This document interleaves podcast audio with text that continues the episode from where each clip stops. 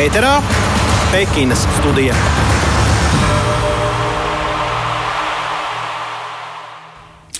Un eh, svētdienas rīta Pekinas studiju sākšu ar eh, šīs dienas raidījuma tematu pieteikumiem. Tātad vakar neskaidru Covid-19 testu dēļ nestartēja distanču slēpotāja Patricija Eiduka, šortrekistam Robertam Krūsbergam neveiksmīga olimpiskā debija 1000 metros. Divi no trim Latvijas vīru kamaniņu braucējiem šodien vēl saglabā pamatotas cerības izcīnīt medaļu Pekinā. Savukārt medaļu kopvērtējumā pagaidām ir viena līdervalsts, un arī zeltu vakar ieguva mainieki Ķīnas pārstāvi. Tā kā par to visu jau tūliņ. Pekinas studija. Jā, nu vakardien tātad eh, Pekinā gaidījām distanču slēpotājas Patrīcijas Eidukas startu skietlonā, taču tas diemžēl nenotika. Viņa šaubīgu Covid-19 testu rezultātu dēļ vakar tomēr nestartēja šajā distancē, un viņas ilgstoša atrašanās pašizolācijā var arī apdraudēt Latvijas komandas dalību stafetē, eh, ko tik ļoti aģitēja pirms Olimpiskajām spēlēm Latvijas slēpošanas eh, federācija, ka tieši to viņa vēlas, lai ir četras slēpotājas, kuras būtu gatavas startēt stafetē. Nu, Eidukai tagad jāgaida divi negatīvi negatīvi testa rezultāti, tad viņa varēs atstāt pašizolācijas vietu, atgriezties treniņos un arī gatavoties startam. Jāpiebilst, ka nākamais starts viņai plānots otrdien, savukārt 12. februārī, ceturtdien, ir jau minētā stafete, un cerams, ka e, viņai izdosies tur startēt. E, par citiem notikumiem vēl vakar šotrekists Roberts Krūsbergs 1000 metru distancē savā priekšsacīkšu lidojumā ieņēma trešo vietu un nekvalificējās ceturdaļfinālam. Viņam tā bija debija Olimpiskajās spēlēs, nu, un to tomēr var saukt par neizdevušos. Eh, viņa mērķis bija vismaz ceturdaļfināls, tas gan netika sasniegts. Eh, tāpat arī, protams, Latvijas kamiņu braucēji vakar startēja un diviem joprojām ir ļoti labas iespējas šodien arī izcīnīt medaļu, kad izšķirošie divi braucieni pēc pirmiem diviem braucieniem Kristers Aparjots ir piektais, Gins Bērziņš sestais. Nu, diemžēl Artūrs Dārznieks gan ir 22. un visticamāk nekur augstāk par ap 20. un 19. vietu nepacelsies. Eh, bet šobrīd mēs esam sazinājušies ar Latvijas um, radio korespondentu Pekinā Tāli Eipuru. Labrīt, Tāli! Labrīt, pēc Latvijas laika, labi pēcpusdienu pēc uh, Pekinas laika. Kur tu šobrīd atrodies un varbūt kur dodies, varbūt es ceļā? Šobrīd es jau esmu gala mērķī, esmu pie kamaniņa trases, gaidu vakaru, kad uh, startēs mūsējie, un uh, kā jau tu ievadīji, uh, ļoti cerams, ka iesaistīsies cīņā par medaļām. Nu, viņi joprojām tajā ir vispār, nevis vēl tikai ceram, ka iesaistīsies šajā cīņā. Nu, un uh, arī uh, centīšos noķert vēl pirms tam mūsu kamaniņa divniekus, kuriem šodien uh, treniņš, un uh, lai Latvijas radio klausītāji arī sadzird, ko tad viņi saka pirms startiem. Jā, katra diena Olimpiskajās spēlēs ir darbīga, bet uh, skaidrs, ka gaidīsim arī tevis sūtītos materiālus tālu. Bet um, vakardien uh, tu sociālās saziņas vietnē Twitter ievietoji tādu um, fotografiju, divas fotografijas precīzāk ar temperatūras salīdzinājumu, kāda ir ārā aiz autobusa loga un pašā autobusā iekšienē ārā mīnus 15, autobusā mīnus 4. Um, tas bija tikai vienu reizi, vai tā ir tendence šajās Olimpiskajās spēlēs, ka tā autobusos tik augsti? Tā noteikti nav lielākajā daļā autobusu, bet uh, ir man kolēģi stāstījuši līdzīgus stāstus. Uh, ir arī, starp citu, stāsts par pietiekami vēsām, ap 14 grādiem uh, dažviet istabiņām dažā olimpiskā ciemata mājoklī, kur dzīvo mūsējie, bet tas arī nav bieži izplatīta sūdzība. Bet katrā ziņā tas ik pa laikam notiek, un tas mazliet izbrīna, jo nu, tas pirmais, kas nāk prātā, protams, ka ir, nu, vai tas nav kaut kādā veidā pret Covid vērsts, nu, jo nu, šis autobus, kurā aizbraucu, tas bija tā kā starp šīm zonām, trim, kur notiek olimpiskās spēles. Nu, varbūt viņi negrib, lai tur cilvēki pārāk pārvietojas un, un burbuļos vairāk dzīvo. Bet nu, es, es palasīju nu, pretrunīgi īstenībā, nu, diez vai. Nu, īstenībā tur es atradu Norvēģu pētījumu, kurš teica, ka tieši sausā un mīnusos gaisā, un vēl, ja ir vējš, nu labi, autobusā nav vēja, uh, nu, tad ir pavisam uh, nu, jau viegli izplatība tam vīrusam. Tā kā uh, ir nu, tāda pretrunīga informācija par šo, bet mēs neesam epidemiologi un infektologi.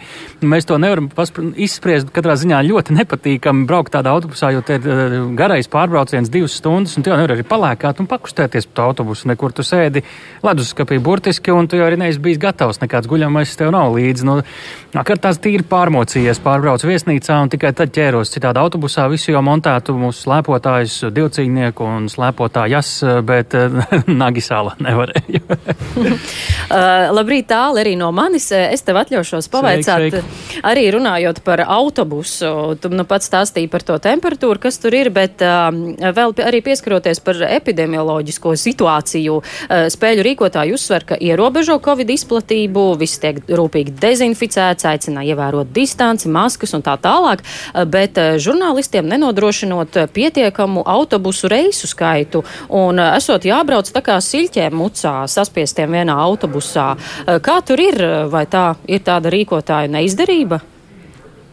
Par tām siļķēm mucā tas bija tieši attiecināms vairāk uz atklāšanas ceremoniju. Tur nebija izdomāts līdz galam. Citādi ikdienā tās siļķes mucā ir ļoti reti patiesībā. Un, ir pietiekami bieži tie autobusi, izņemot dažus iekritienus, svarīgus starposmus, kur to autobusu ir ļoti maz.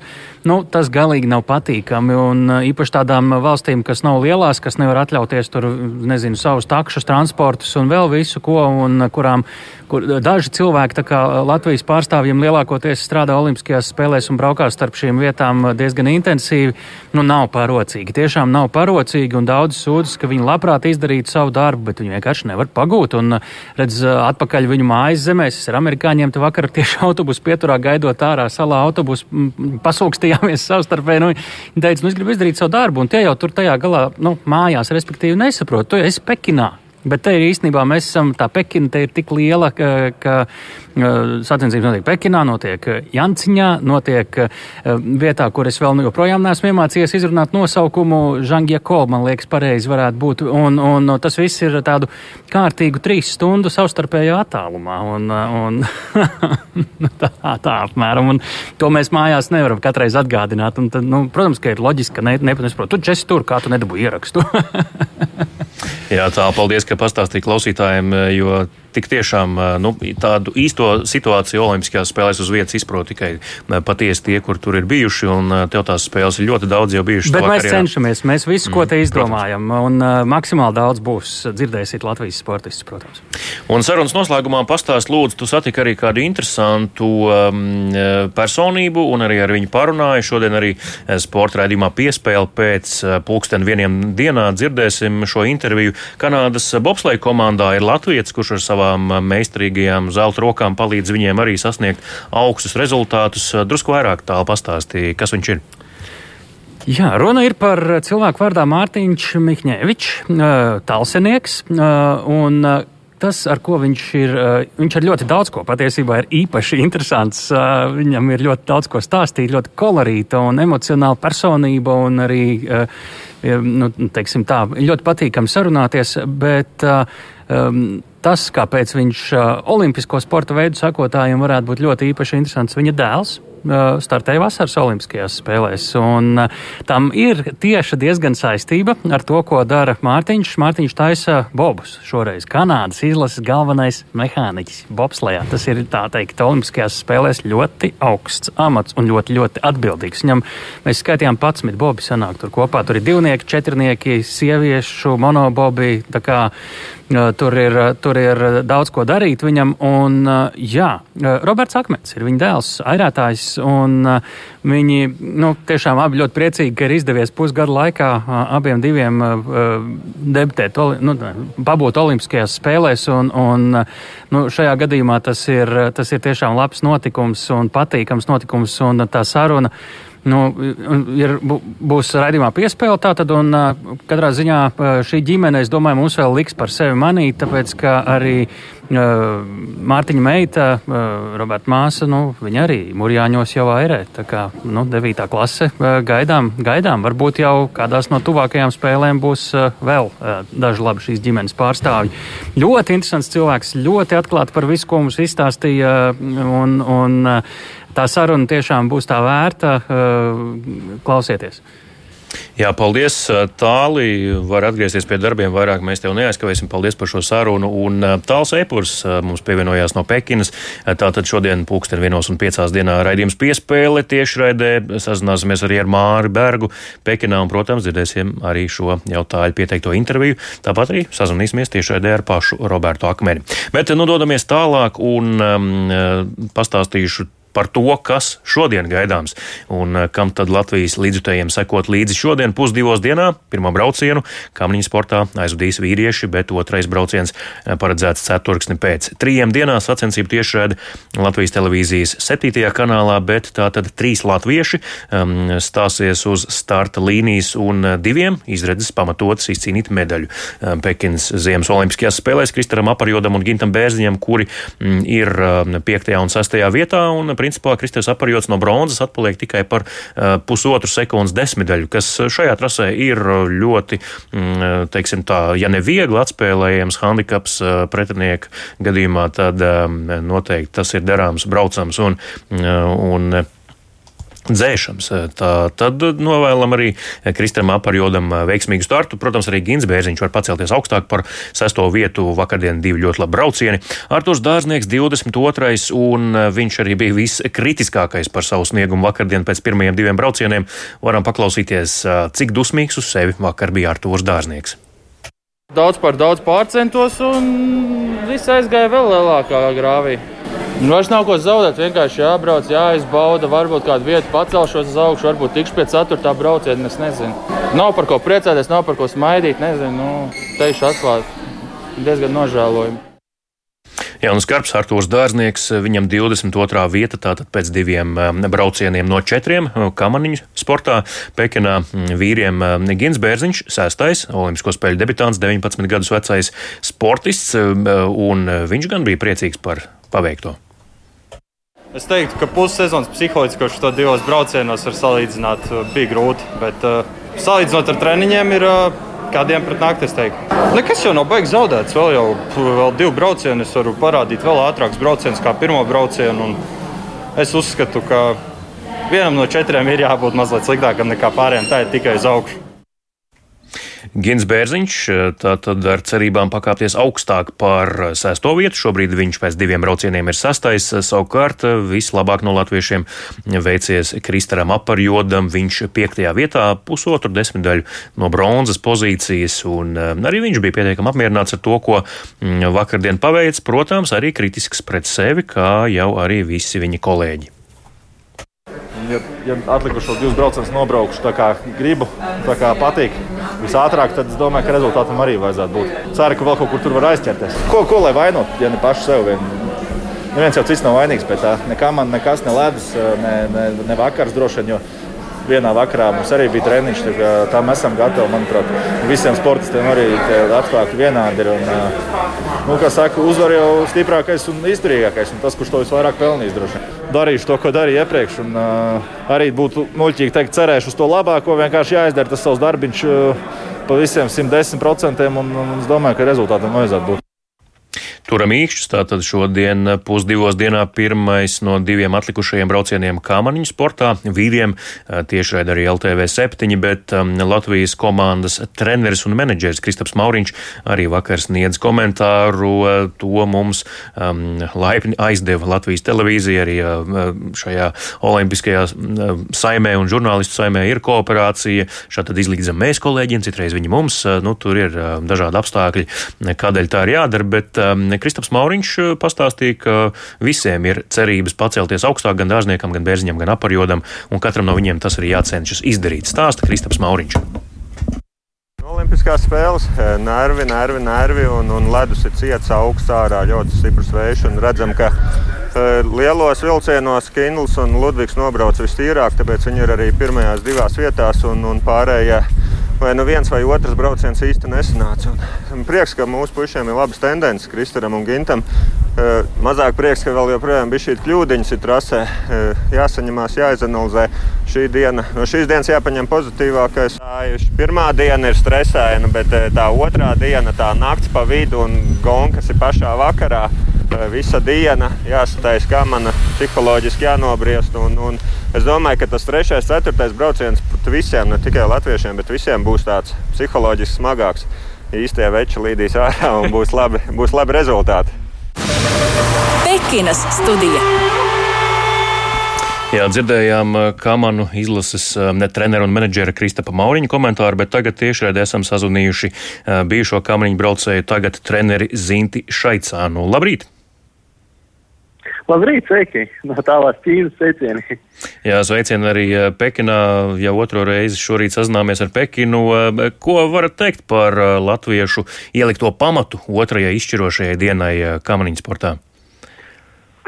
Ir tā, ka es teikšu, ka nu, puikas tendence ir ļoti labas kamanām un inventāram, un tas, ko viņi trasē rāda, ir, ir patīkami skatīties, jo, jo, jo tehniskais personāls ir paveikuši ļoti labu darbu, slidu izvēle, smēru izvēle, jā, un, un, un, un arī visi, visi parametri, kas tika saregulēti, lai, lai, lai kamanas skrietu tieši šai trasē, ir nostrādājuši uz visiem simt procentiem, teikšu godīgi, jo, jo tās tendences, ko sportisti rāda trasē, ir ļoti labas, un, protams, protams, bija kļūdiņas, kuras ir jāizlabo, uz 3. un 4. braucienu, un tad, tad visādi var būt, jo tas trīnieks nav nekur tālu aizskrējis, ir pats un simtaļas Kristaram apariodam un, un Gintam Bērziņam nedaudz, nedaudz vairāk, bet tik un tā.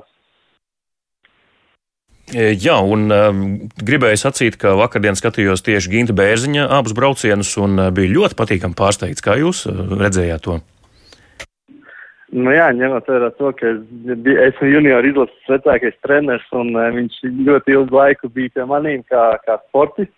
Viņš man arī ļoti pozitīvi pārsteidza ar to, kā, kā, kādu startiņu viņš var parādīt un, un, un cik, cik brīvi un atraisīti viņš var trasē braukt un līnijas zīmēt. Un, un tāds pašpārl, nu, pašpārliecināts, bet tāda liela pārliecība jau 19 gados puikam, ka var cīnīties ar pasaules labākajiem sportistiem. Tas ir vienkārši unikā, unikāls gadījums, unikāls sportists un, un tiešām, tiešām prieks skatīties, kā, viņ, kā viņš māca uz sacensībām nokoncentrēties un, un saņemties un pārvarēt, pārvarēt visu, visu, kas apkārt notiek, jo spiediens ir milzīgs, kamera, žurnālisti un, un tā tālāk un tā tālāk.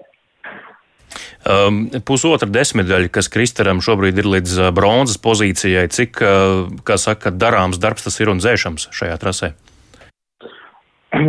Un Kristers, Kristers uh, pirmajos divos braucienos ļoti labas tendences parādīja trases augš, augšdaļā.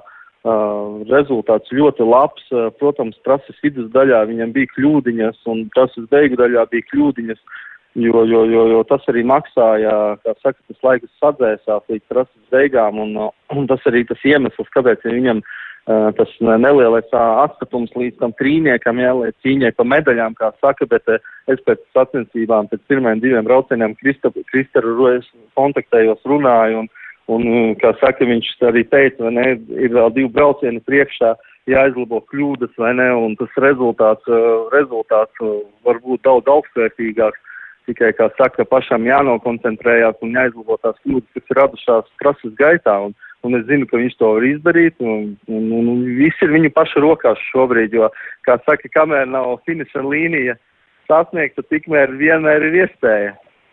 Jā, paldies, paldies par šo komentāru. Teiksim, kamaniņu sporta trenerim Zintim Šaicānam jums arī jāatgriežas pie darbiem un lai veic šodien latviešiem 3. un 4. braucienā.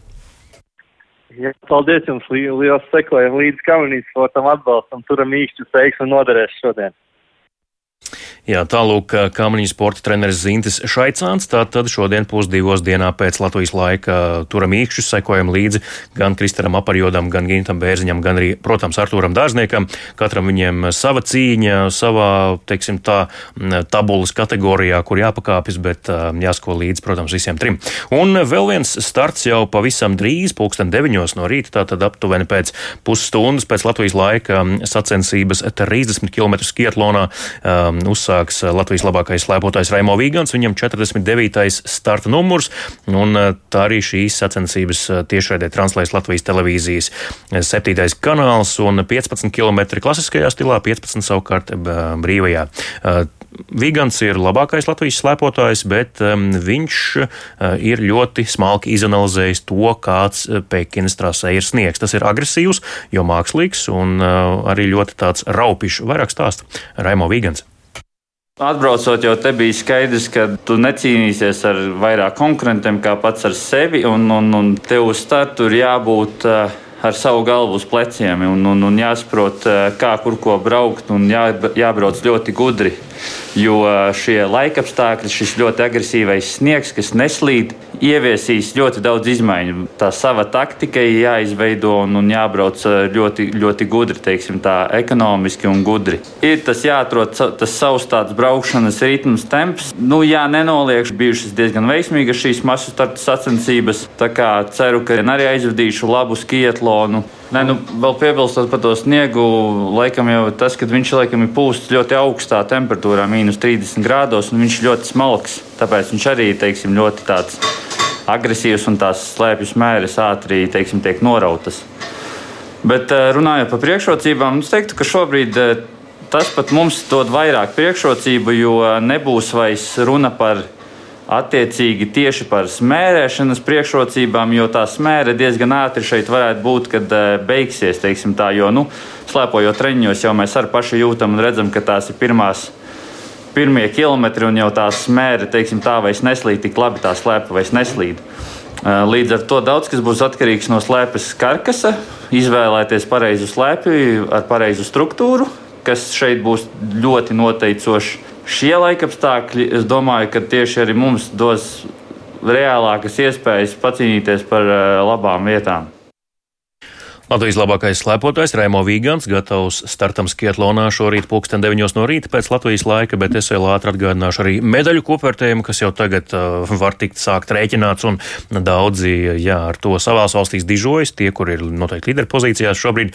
Līderi ar divām zelta medaļām ir Norvēģija, vakar uh, Terēza Johauga triumfēja Skietlonā, kurā nestartēja Patricija Eiduka, un tāpat arī Norvēģiem zelts jauktajā stafetē Biatlonā vēl arī uh, zelts Slovenijai, Nīderlandai, Zviedrijai, arī mainiecei visai Ķīnai. Tā kā tur uh, zelta medaļas jau sāk jau tikt skaitītas un, uh, un tiek lēsts, kurš tad varētu beig beigās šajā sāncensībā uzvarēt. Bet tā, to, protams, ir lielvalstu spēle un uh, lielvalsts sacenšas par visaugstākajām vietām tieši šajā rādītājā. Bet līdz ar to arī šodien finišē Pekinas studija. Paldies, ka klausījāties. Mārtiņš Kļavnieks bija šeit studijā, man palīdzēja arī Daira Zīle un sazinājāmies gan ar Pekinu, gan arī runājām par norisēm, um, kas vairāk atspoguļojams šeit pat uz vietas Latvijā, bet um, nākamā Pekinas studija jau rīt no rīta šajā pašā laikā. Paldies, ka klausījāties!